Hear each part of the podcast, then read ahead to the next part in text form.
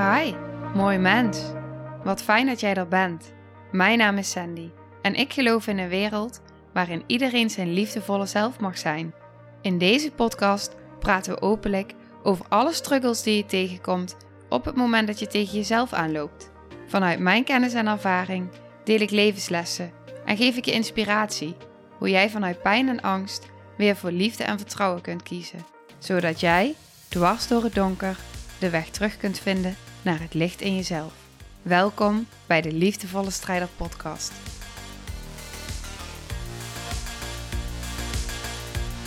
Hallo, wat fijn dat jij weer luistert. De laatste aflevering van 2021. Wauw. Ik vind het zo bijzonder dat ik nu gewoon al de 36e aflevering inspreek. Dat had ik niet verwacht. Oprecht, dat had ik niet verwacht. Toen ik met de podcast begon in maart dit jaar, toen dacht ik, nou, één keer in de twee weken, zo ben ik begonnen.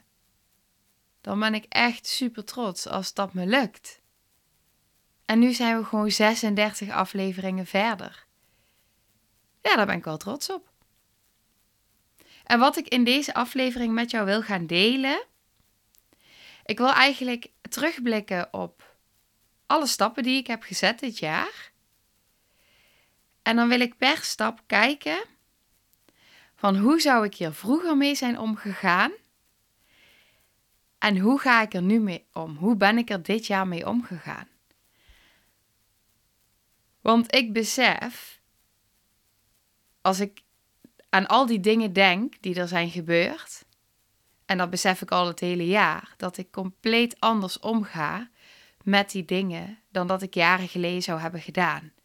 En daar wil ik je graag in meenemen, want ik denk dat je daar iets aan kan hebben. Dus ik ga je meenemen in mijn gedachtenwereld. Eigenlijk begon het al begin van dit jaar. Want in februari ging ik een stilte-retreat doen. En omdat op dat moment we natuurlijk, nou volgens mij misschien nog in een lockdown zaten. Of in ieder geval, ja, de retreats gingen in ieder geval niet fysiek live door. En het was dus online. En toen was ik dus aan het denken van oké, ik ga dadelijk dus een paar dagen in stilte.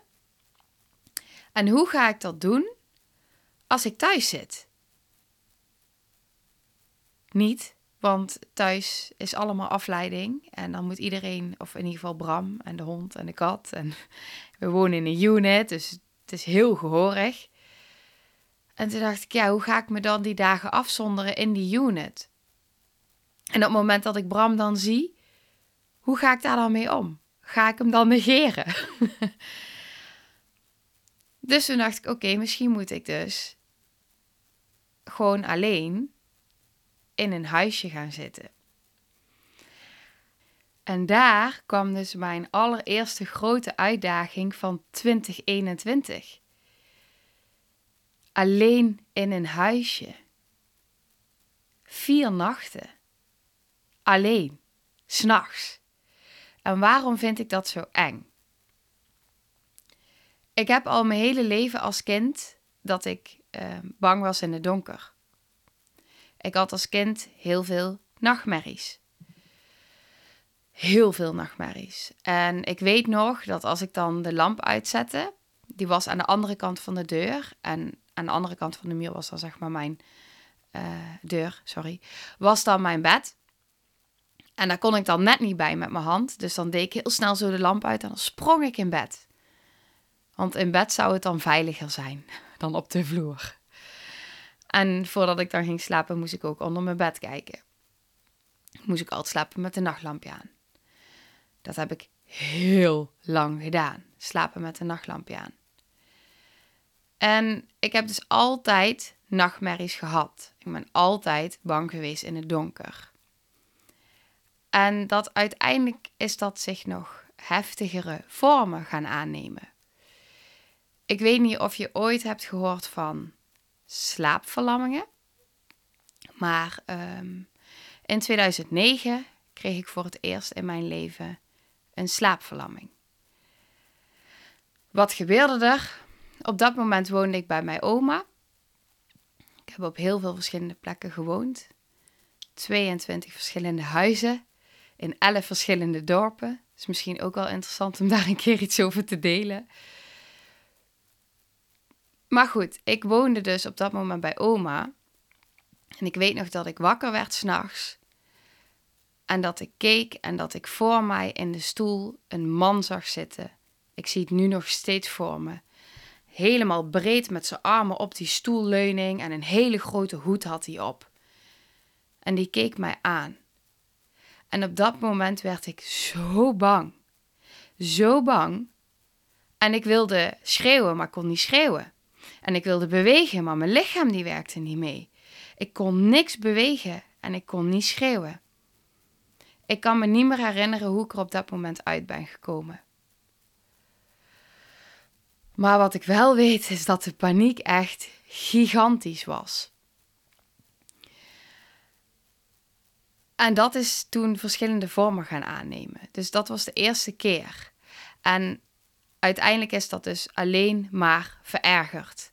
Tot het moment dat ik nachtenlang alleen maar in de ene na de andere slaapverlamming kwam. En ik ging steeds meer dingen zien. En steeds meer angst daarin voelen. Ik voelde echt diepe, diepe angst. En ik dacht dat die van mij was op dat moment. En ik dacht zelfs dat ik gewoon helemaal gek was geworden. Dat ik hallucineerde. En ik schaamde me ervoor. Ja, en ik weet ook nog wel dat er echt momenten zijn geweest dat ik echt tegen mijn ex in bed heb gefluisterd van... We moeten echt, echt nu de slaapkamer uit, want het is hier echt niet veilig. Ik voelde me überhaupt niet veilig in het donker en al helemaal niet s'nachts. Ook niet in de slaapkamer. Dus we hebben ook wel eens nacht in de woonkamer geslapen. Maar daar gebeurde het ook. En het gebeurde zelfs overdag.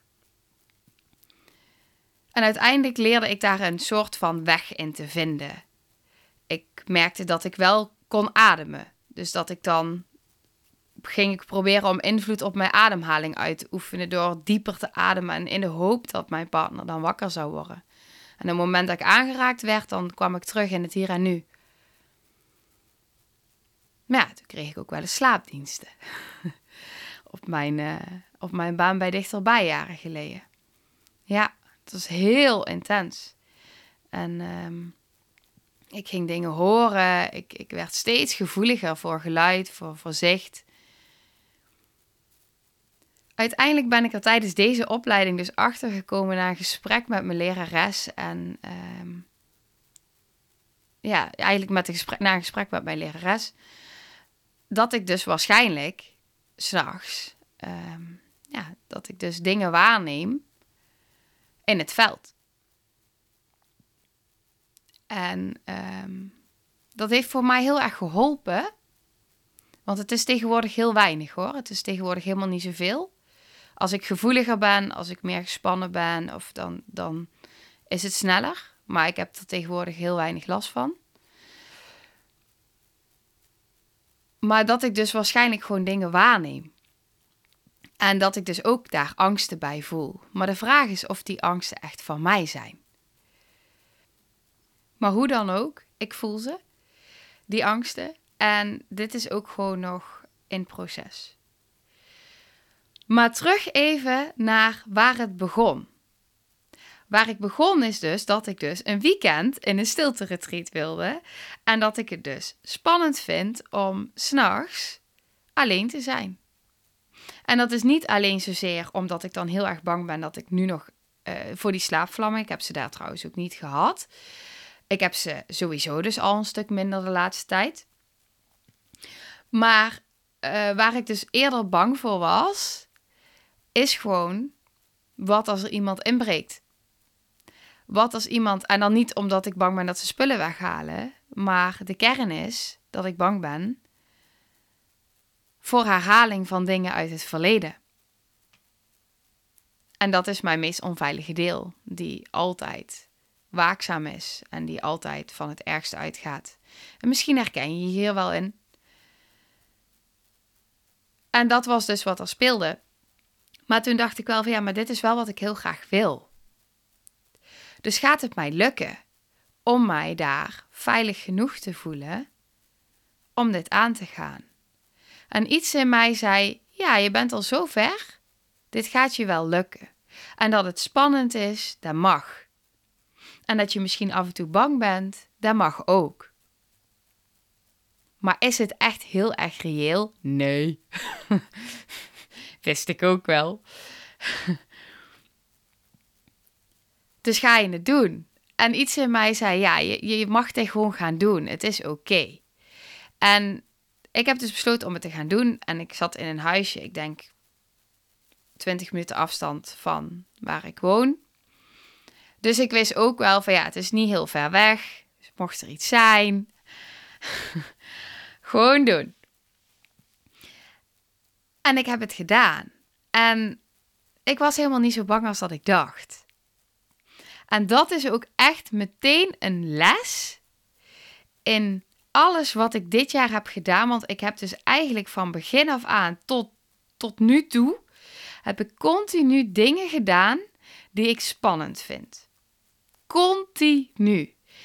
Angst voor afwijzing, angst dat ik niet goed genoeg ben, uh, een diepe angst dat me dus inderdaad iets wordt aangedaan, een angst om in de steek gelaten te worden.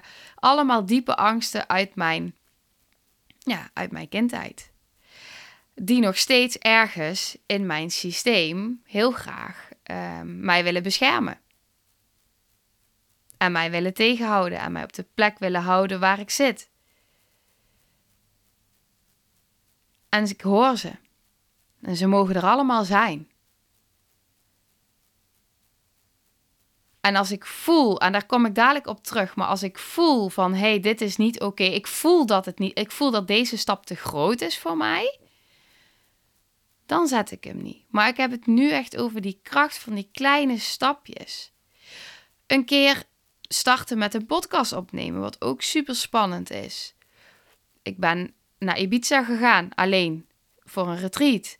Was ook super spannend. Kende eigenlijk helemaal niemand, ondanks dat ik wel één iemand een tijdje online sprak via Insta. Ook dankzij de podcast. Maar die kracht van jezelf eigenlijk uitdagen, maar niet over je grens gaan. Dus wat vind ik heel erg spannend? Maar, waar, maar ga ik geen delen in mij, want dat is het eigenlijk, delen in mij knel zetten. Dat het wel veilig is. Want ik heb me met het retreat ook alleen, ik heb me echt wel goed gevoeld. En ja, ik heb onder het bed gekeken. en ja, ik deed alle deuren s'avonds op slot als het donker werd. En toch heb ik me veilig gevoeld. En oké gevoeld. En uh, fijn gevoeld. En ik kon gewoon goed slapen. En Dus ik heb daarin echt wel geluisterd naar de haalbaarheid. Dat is eigenlijk wat ik zoek, de haalbaarheid erin. Zoek voor jezelf de haalbaarheid in. Maar ga jezelf wel uitdagen. Want op het moment dat je dat doet, dat je dus niet blijft zitten in die angst en blijft zitten waar je zit, maar dat je dus een klein stapje zet naar iets wat best wel spannend voelt en wat je misschien jaren geleden echt nooit had gedaan.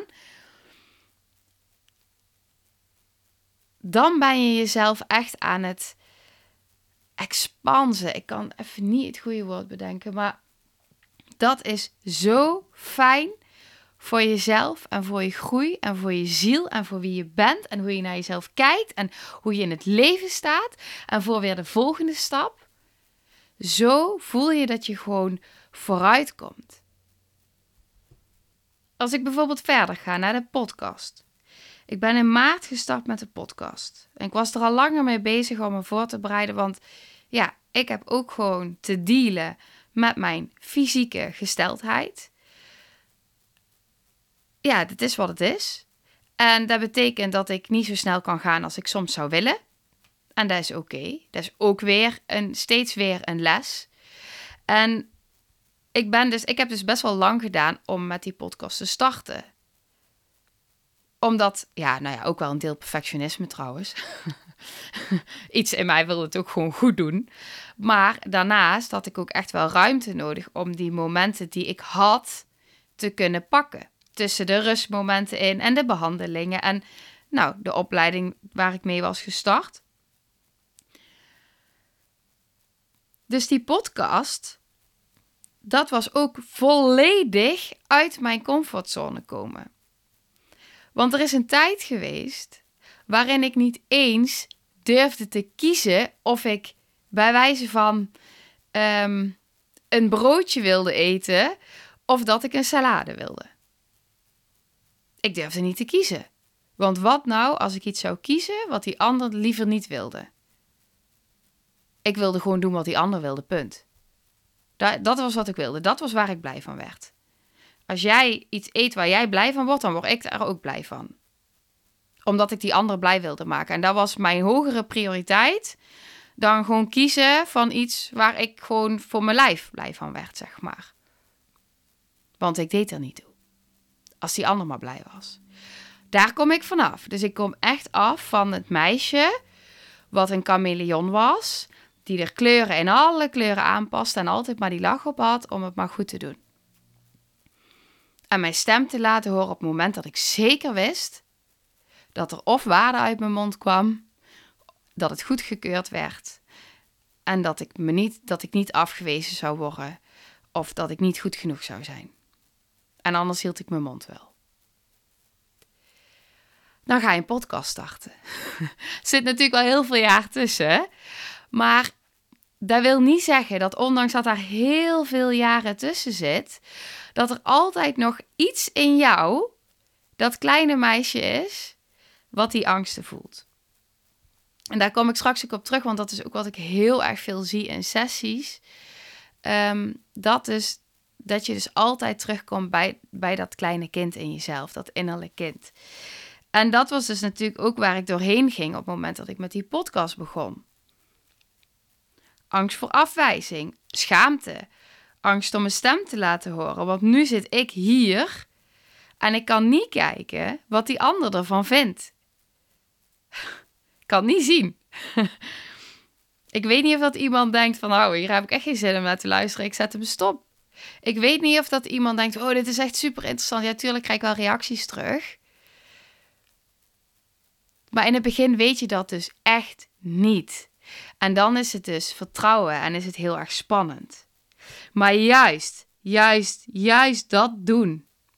Juist die stap zetten. Juist toch je kwetsbaar opstellen. Om toch te kiezen van ja, maar waar wil ik voor kiezen? Want dat is het hè. Wil ik kiezen voor die angststemmetjes? Of wil ik kiezen voor liefde? Want waarom doe ik dit eigenlijk? Ik weet precies waarom ik dit doe. Omdat iets in mij heel erg goed weet dat er mensen zijn die ik hiermee kan inspireren. En die ik hiermee een stapje verder kan brengen. En daarom, is dit, daarom doe ik dit. Omdat ik weet dat ik waarde te geven heb. En dat weet iets in mij. En dat is de liefde die ik voel. Dat is het vertrouwen wat ik voel. Dat is de kracht die ik voel. Dat is wat ik weet wie ik ben. En toch zijn er nog die andere stemmetjes. En dan is het de vraag: waar ga je naar luisteren? En dat is in alles wat je doet, iedere keer weer afstemmen. En dat is waar ik afgelopen jaar alleen maar mee bezig ben geweest. Iedere keer de bewustwording maak ik deze keuze vanuit angst of vanuit liefde. Maar zonder mezelf daarin voorbij te lopen.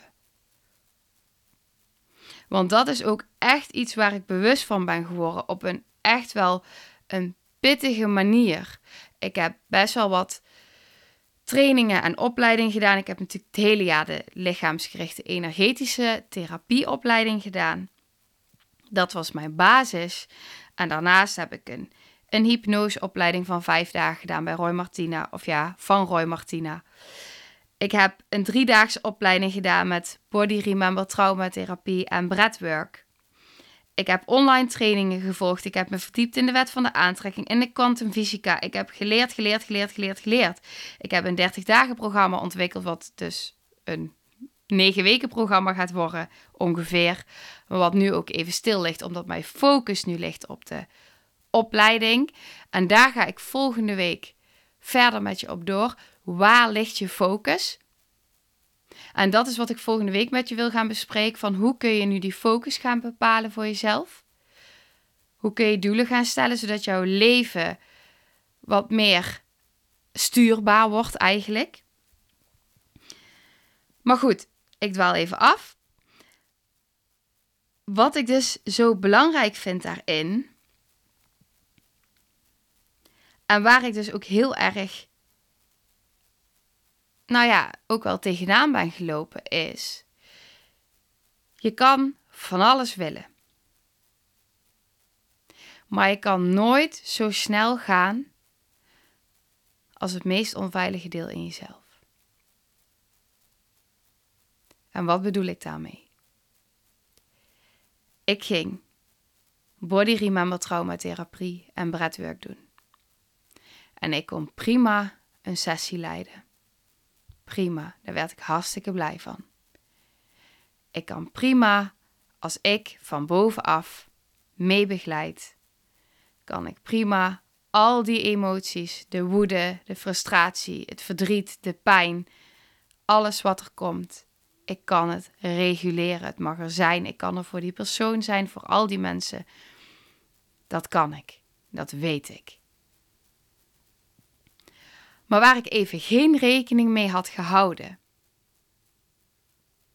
En wat mijn aller, allergrootste valkuil is. En die daar heel erg zichtbaar werd. En waar ik nu voel dat ik alweer door word geraakt. En ik denk misschien dat je die wel herkent. Wat ik eventjes was vergeten. Was mijn meest onveilige deel. Of delen. En mijn eigen kwetsbaarheid. Dus ik ging daar wel eventjes liggen hoor tussen al die mensen. En ik ging wel eventjes die trauma opwekken. Ik was er niet eens in het ademwerk gegaan. Het was alleen maar het, de, de body remember traumatherapie, het trillen. En op het moment dat ik daar lag, met een blinddoek op, dus ik kon het niet zien. En ik ging al die emoties van die mensen zowel voelen als horen. Want je voelt het in die ruimte komen. Je hoort de woede, je hoort mensen schreeuwen, je hoort mensen in verdriet raken. En als ik zelf in een therapeutenrol zit of ik zit er van bovenaf, alles oké. Maar op het moment dat ik daartussen lig in mijn kwetsbaarheid en ik moet trauma gaan opwekken, dan zegt mijn lichaam: ah ah, dit kun jij wel willen, Sandy, maar dit is veel en veel te onveilig voor jou. En dan besef je weer hoe onveilig het is. En die raakt me nu ook omdat je op zo'n moment weer beseft hoe diep trauma zit. En je kan met je hoofd van alles roepen en je kan met je hoofd van alles willen. Maar op het moment dat jouw meest onveilige deel of de meest onveilige delen aan jouw poortwachters zeggen: Ja, maar hallo, jij luistert nooit naar je lichaam. Jij rent altijd maar door.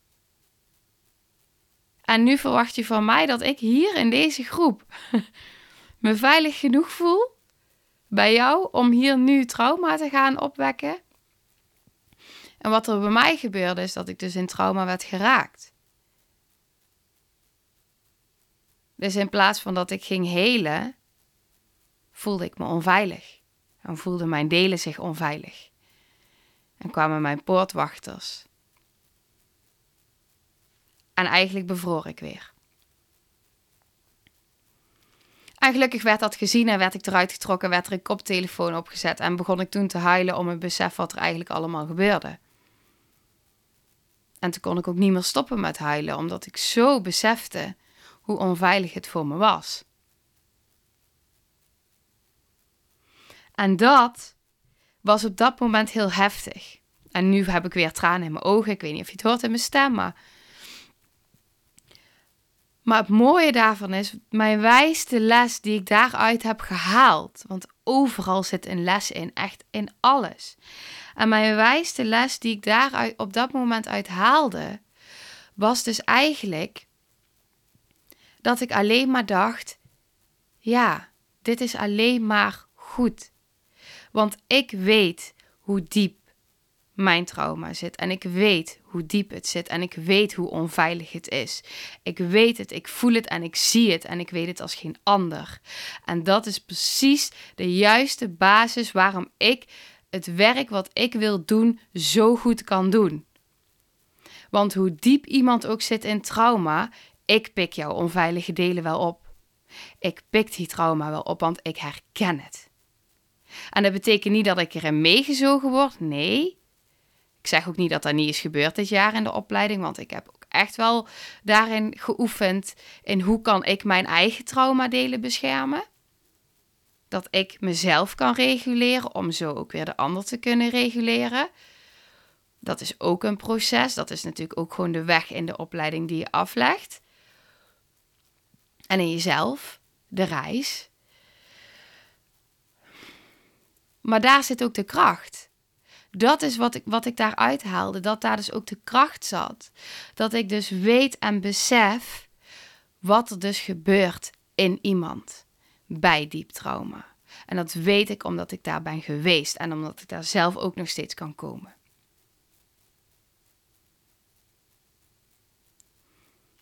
En ik weet dus ook als geen ander hoe wij mensen geneigd zijn.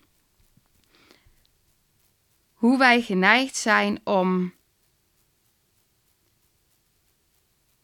Ik ben even de juiste woorden aan het zoeken. Kijk, ik ga even anders beginnen. Op het moment dat je werkt met het lichaam, met het onderbewuste, dus met het ademwerk, maar ook wat ik doe in deze, ja, wat ik doe als therapeut. Wat ik dadelijk helemaal ga doen als ik mijn diploma heb. maar wat ik nu dus ook al een jaar aan doen ben. Is dat je werkt met het lichaam en met het onderbewuste. En er komen altijd, in alle sessies die ik heb gezien, altijd vanuit de klachten die er nu zijn, of het nou pijn is in je schouder, of het nu spanning is in je borst, of het nu een thema is wat er nu speelt, het komt altijd vanuit die kindertijd. Het is altijd ontstaan in die kindertijd. En ik zie gewoon iedere keer, zowel bij mezelf als bij alle mensen met wie ik mag werken, waar ik super dankbaar voor ben, hoezeer die patronen van vroeger herhaald worden. Het is altijd innerlijk kindwerk. Terug naar waar het ontstaan is. Praten met die pijn. En wat ik dan dus zie is dat wij zijn zo gewend om ons te verzetten tegen die pijn. Terwijl de sleutel ligt in het bewegen na de pijn. En ik weet door mijn eigen ervaring en door alles wat ik heb gezien in sessies en ervaren, hoe een uitdaging het is om naar die pijn toe te bewegen. Maar juist alleen al het kijken naar die pijn betekent dat je de weerstand en het verzet loslaat.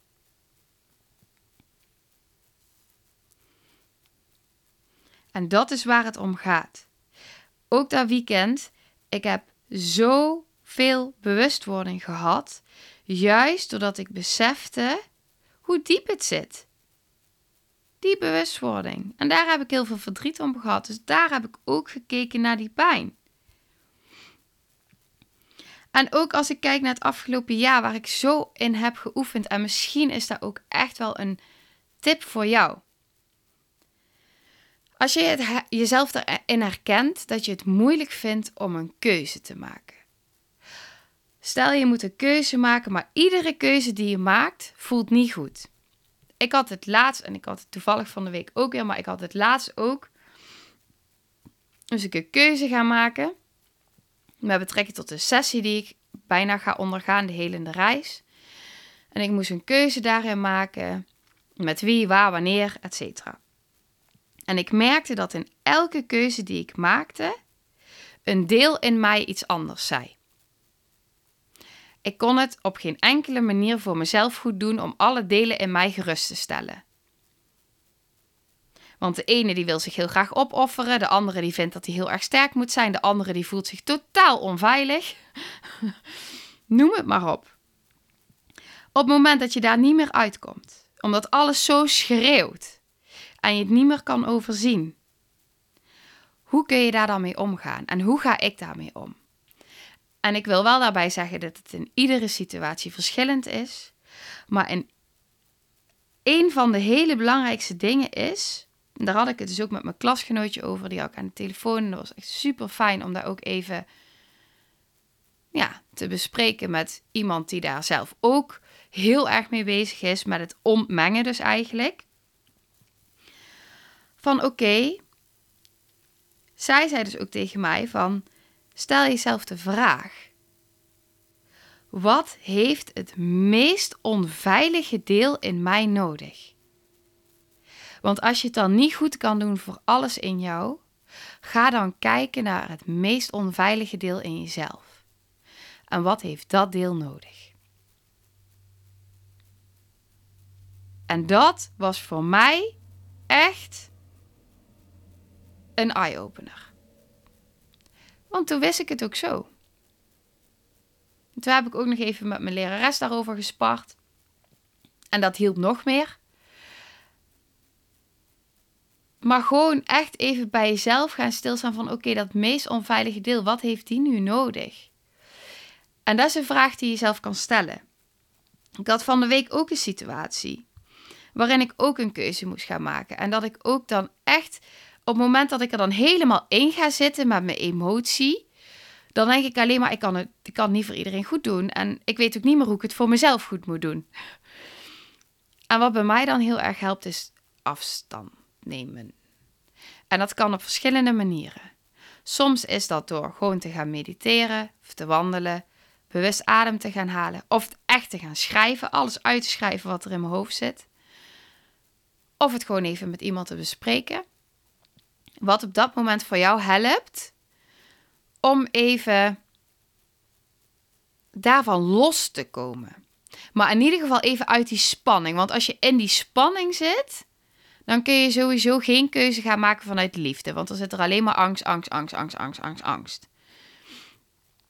En die wordt dan echt niet minder. Dus wil je echt weer een keuze kunnen gaan maken vanuit liefde die goed voelt voor jou, dan is het op dat moment bekijken: oké, wat heb ik nu nodig? En wat kan ik nu voor mezelf doen? Hierin.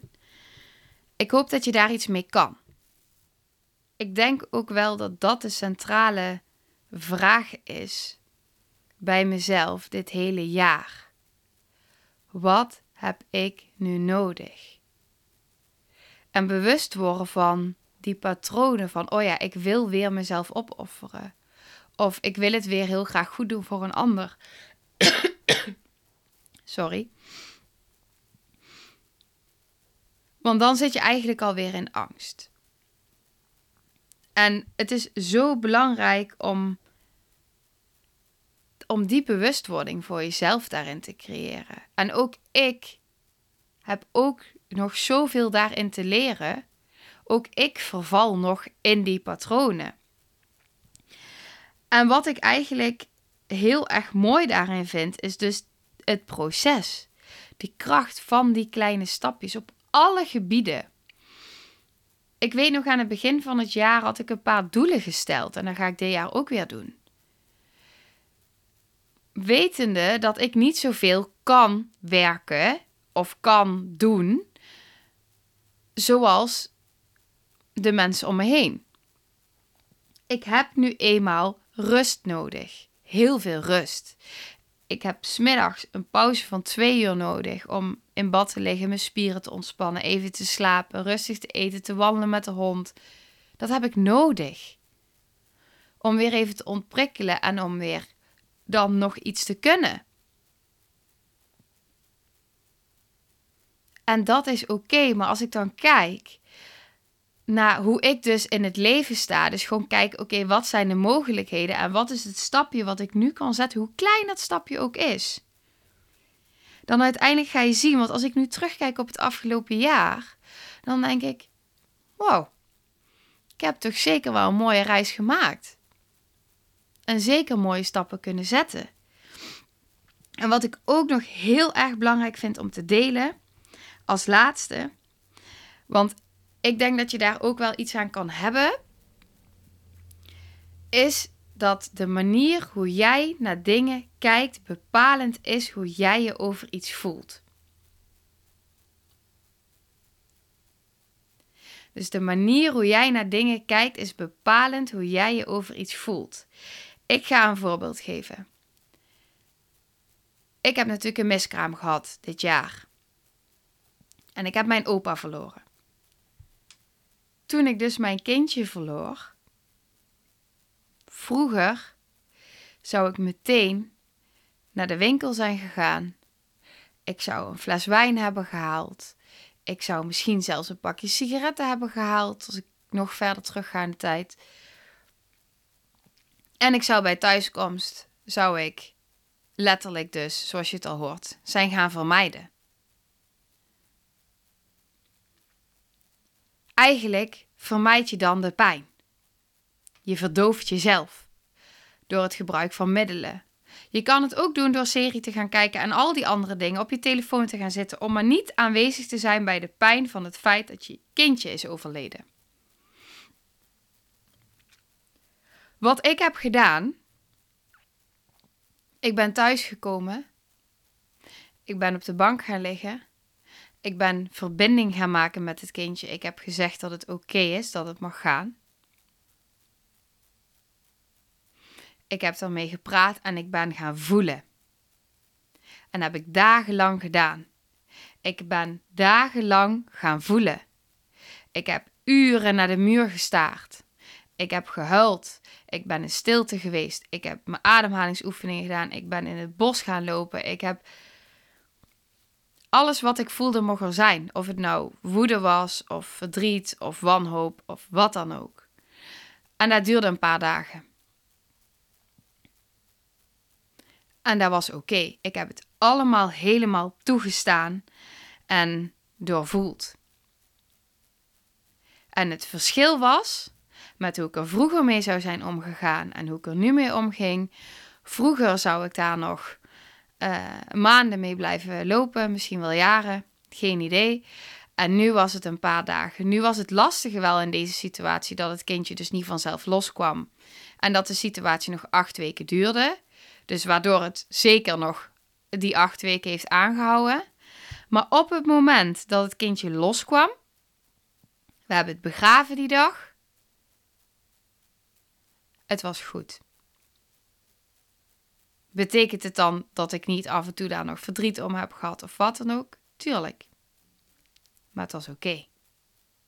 Het was verwerkt. En zo heeft het voor mij echt gevoeld. En ik kon er met dankbaarheid naar kijken. Ik heb er al die tijd met dankbaarheid naar kunnen kijken. Zelfs tijdens die acht weken dat ik aan het wachten was totdat het loskwam. En in het hele proces. En ja, als je het interessant vindt, ik heb er een aflevering over opgenomen. Maar daar kon ik zelfs dankbaarheid in voelen. Vroeger had ik daar never nooit geen dankbaarheid in kunnen voelen. Ik kan in alles dankbaarheid voelen. Ik kan in alles het goede zien. Ik zie in alles dat het leven voor mij werkt en niet tegen mij werkt. Dus ook in die miskraam, dan geloof ik dat het een bedoeling heeft. Dat dit is wat mijn ervaring mocht zijn. En die voel ik continu in alles.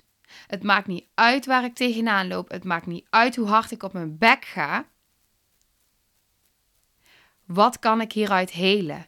Wat kan ik hiervan leren? Hoe kan ik hier dankbaar voor zijn? Het leven werkt voor mij en niet tegen mij. En vroeger dacht ik dat het leven tegen mij werkte.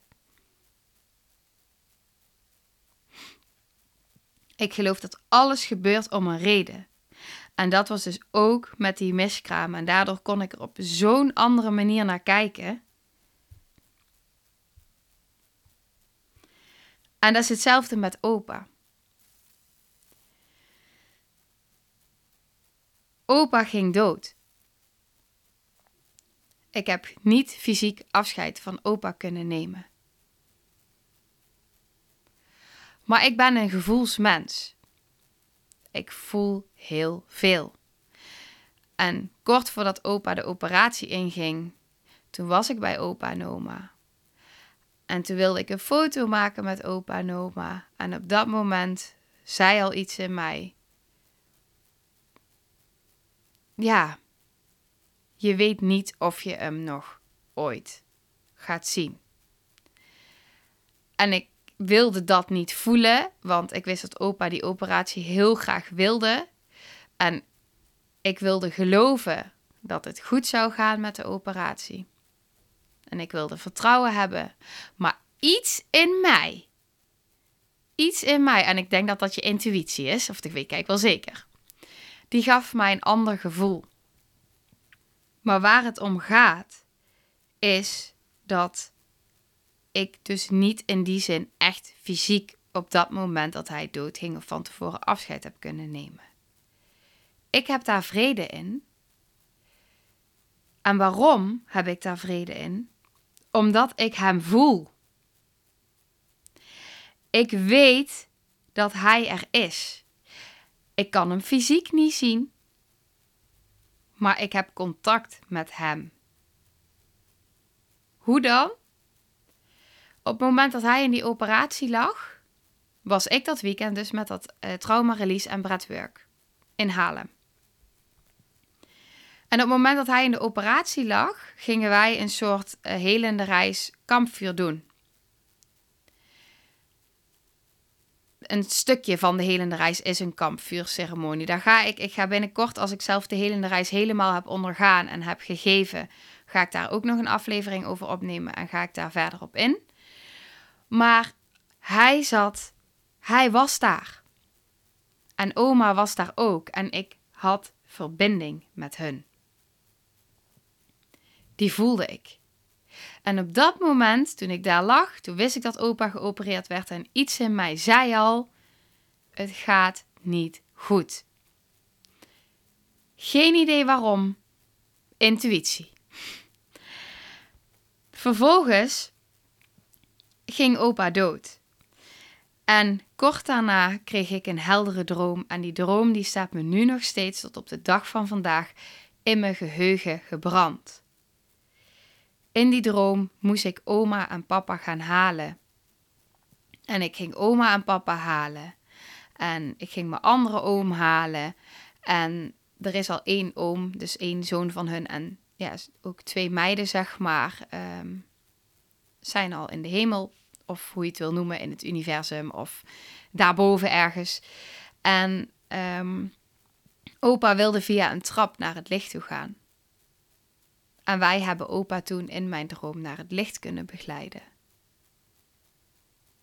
En die droom was zo helder en zo. De, ik haalde daar heel veel waarde uit.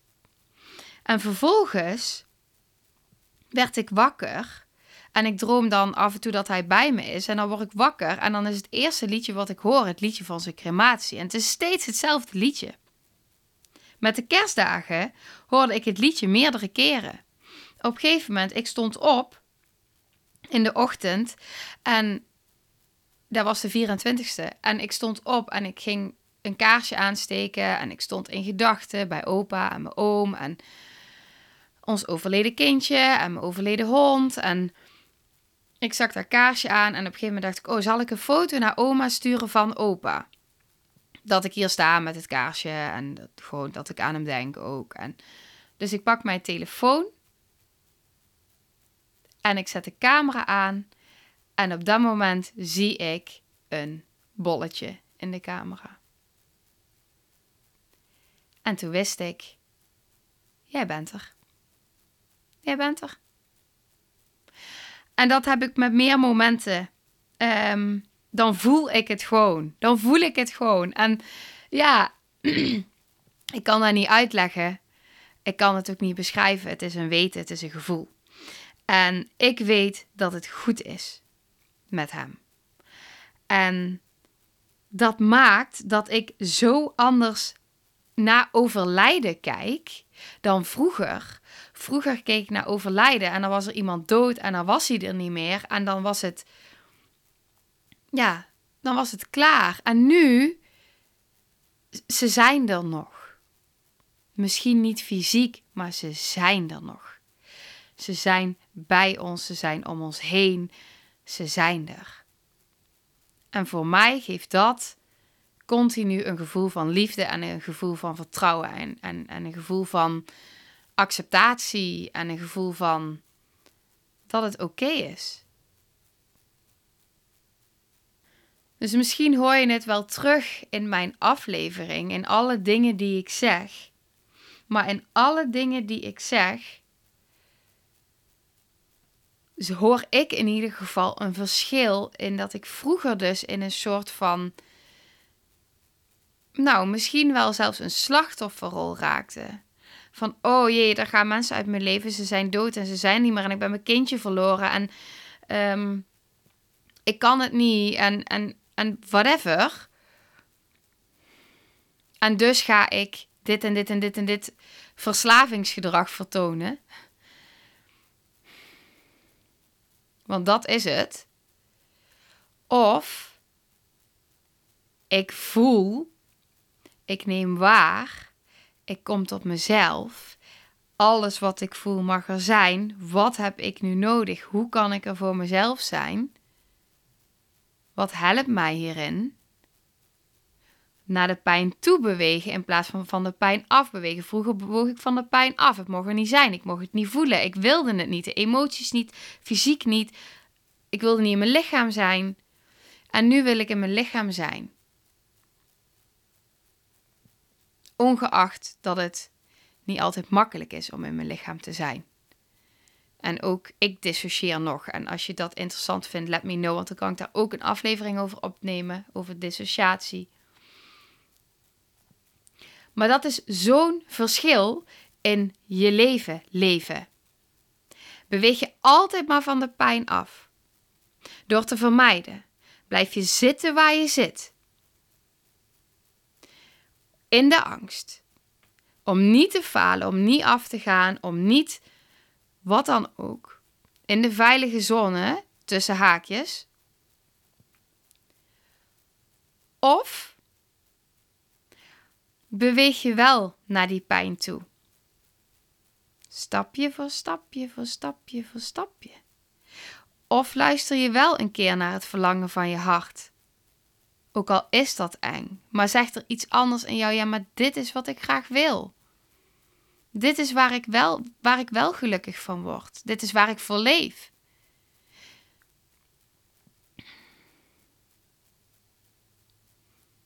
Op het moment dat jij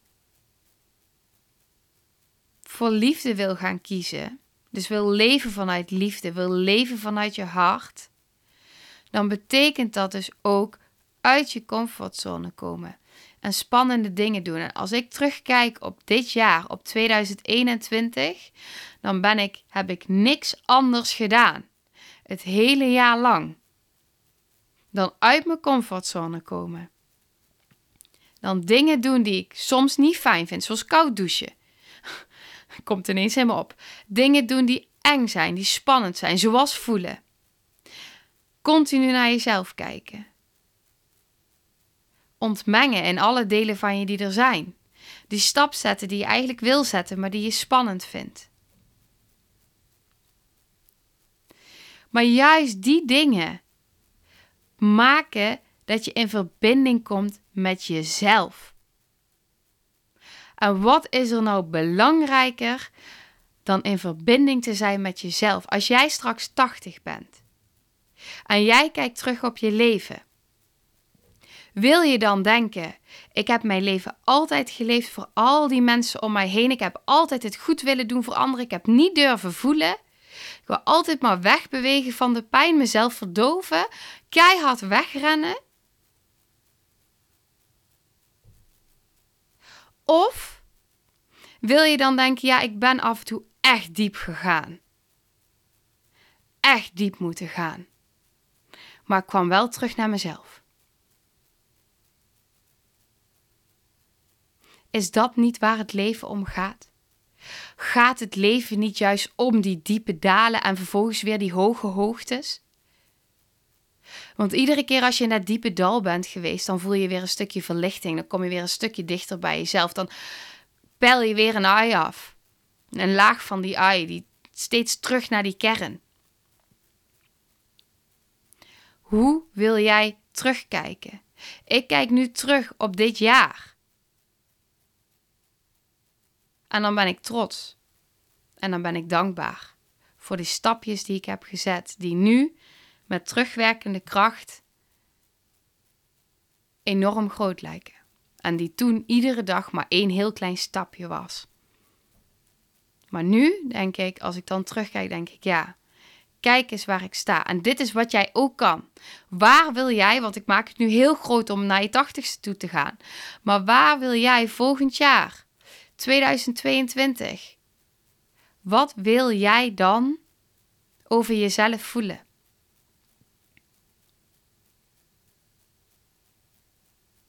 Wil jij kiezen voor angst of wil je kiezen voor liefde? Wil je het goed doen voor de ander of wil je het goed doen voor jezelf? Wil je in angst blijven zitten waar je zit, in de comfortzone waar het veilig is? Of wil je daaruit stappen en in het diepe dal springen? Of die hoge hoogte beklimmen? En je hoeft niet in één keer te springen, je hoeft ook niet in één keer omhoog te klimmen. maar je kan wel een heel klein stapje die richting inzetten. Net zoals ik heb gedaan. Dat is wat je kan doen.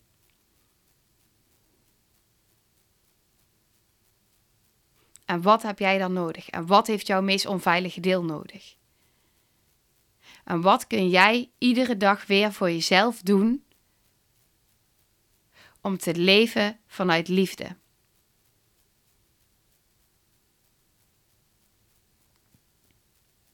Het is uiteindelijk allemaal aan jou. Het is allemaal de manier hoe jij tegen dingen aankijkt. Daar begint het bij. Wat wil je voelen? Wie wil je zijn? Wat wil je ontvangen? Wat wil je geven?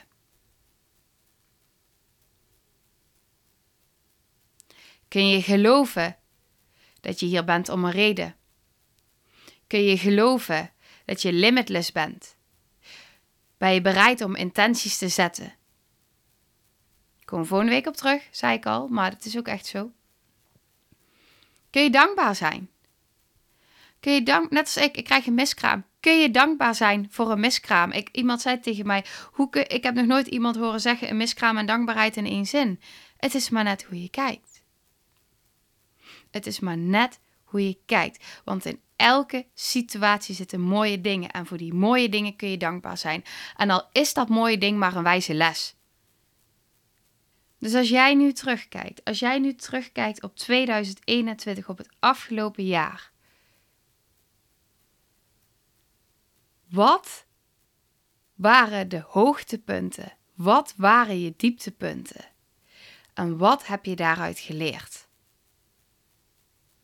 Zo'n belangrijke vraag om op momenten als deze aan het einde van het jaar en eigenlijk ook gewoon tussendoor en eigenlijk altijd, om daar gewoon bij stil te staan. Wat waren die momenten? En wat, waarin kan ik mijn les zien? Waarin kan ik mijn dankbaarheid zien? En is dit wie ik wil zijn?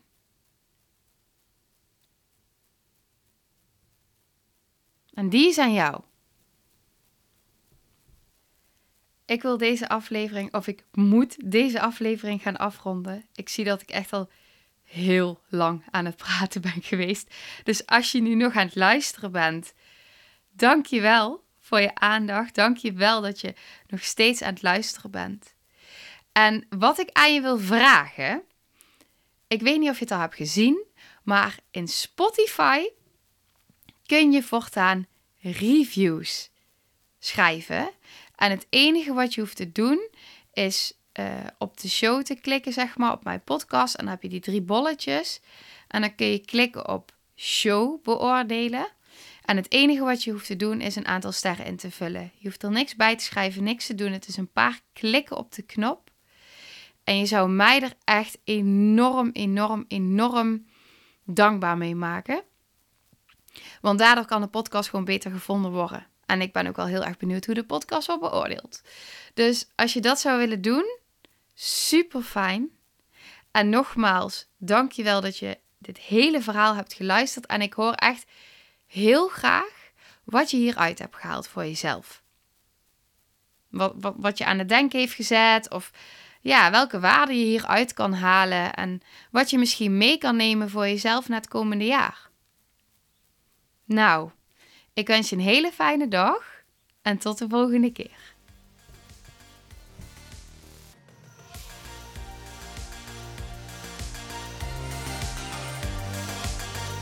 Nou, lieve mensen, ontzettend bedankt voor het luisteren. Ik ben heel benieuwd wat je van de aflevering vond en welk inzicht je eruit hebt gehaald.